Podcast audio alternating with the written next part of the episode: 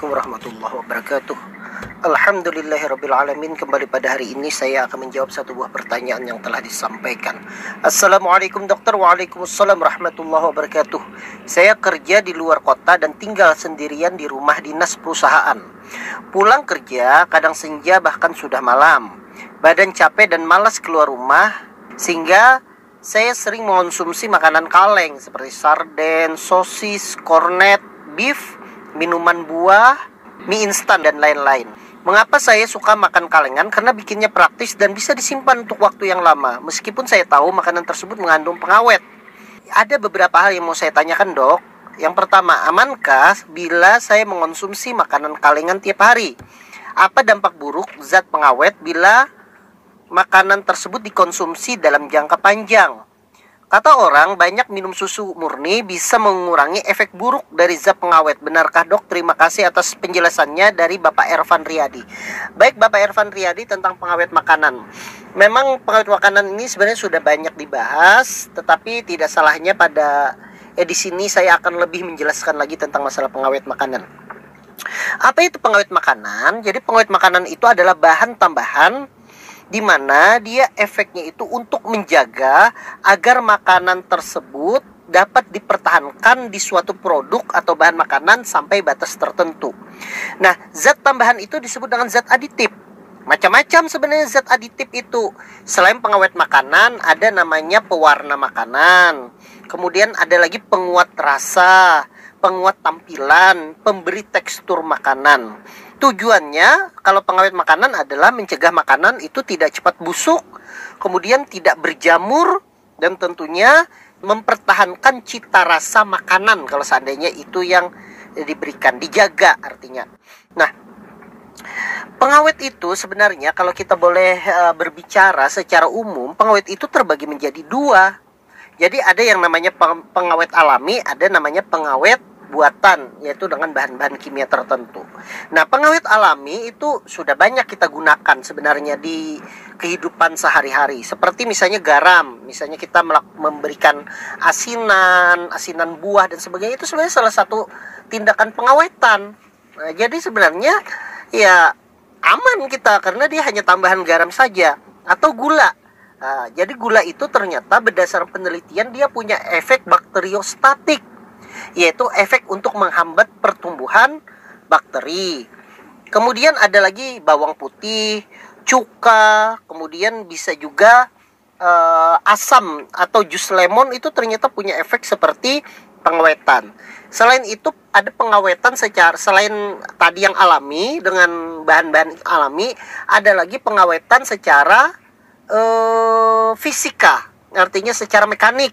Misalnya contoh misalnya dikeringkan atau didinginkan, dibekukan atau diasap itu juga pengawet. Jadi jangan sampai kita memberikan stigma negatif dengan yang namanya sistem pengawetan. Jadi pengawetan itu sebenarnya adalah hal yang lumrah dilaksanakan apalagi seandainya produksinya itu berlebihan supaya jam busuk maka diawetkan. Maka itu adalah hal yang uh, wajar. Nah, pertanyaannya adalah bagaimana kalau kita menggunakan pengawet kimiawi? Nah, pengawet kimia itu banyak.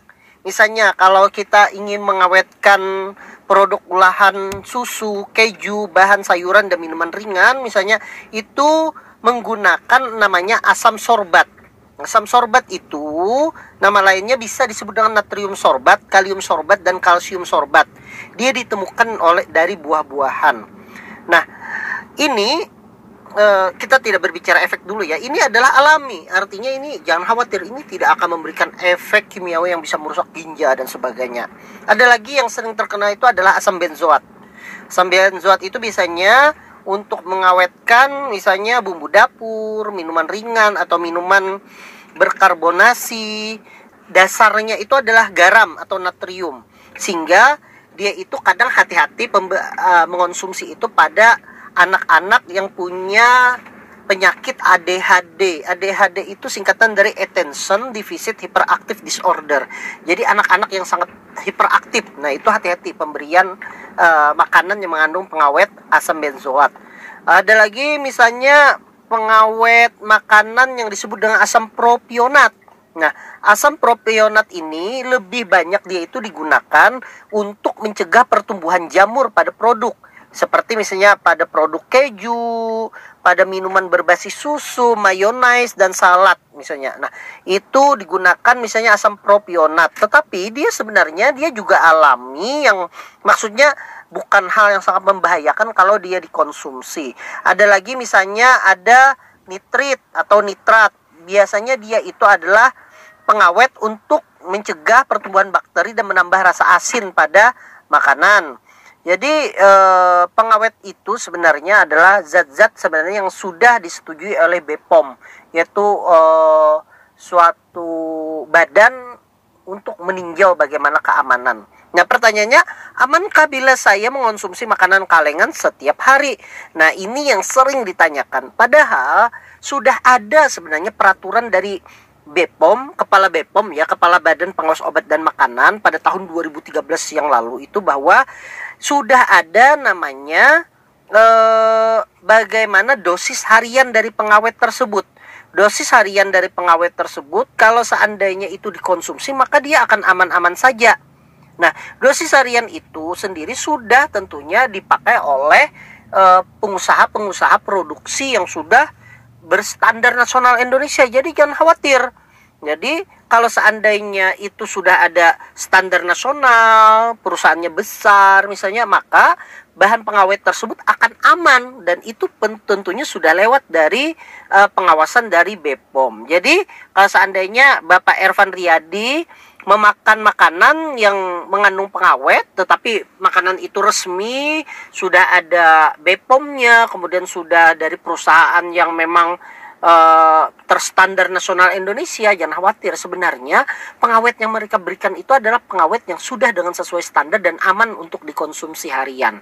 Nah, yang bermasalah itu sebenarnya bukan masalah ininya. Yang bermasalah itu adalah ketika kita membeli ya, membeli makanan pengawet yang memang ternyata makanan pengawet itu tidak sesuai dengan standar nasional.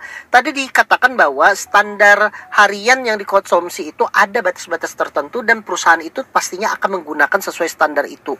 Nah, yang bermasalah itu apabila kita mengonsumsi dari produksi rumah tangga di mana dia menggunakan bahan-bahan yang tidak terstandar. Apa bahan-bahan yang tidak terstandar yang biasa digunakan untuk pengawet? Yaitu boraks, yaitu dia borak itu adalah asam borat ya sebenarnya. Kemudian formalin yang sering digunakan pada bakso, mie, tahu. Nah, ini yang berbahaya karena efek dari borak tersebut yang memang sebenarnya tujuannya untuk mengenyalkan tekstur makanan di itu bisa menyebabkan kerusakan dari usus, kerusakan dari hati, bahkan bisa menyebabkan kegagalan ginjal, bahkan gangguan pada otak yang menyebabkan demensia.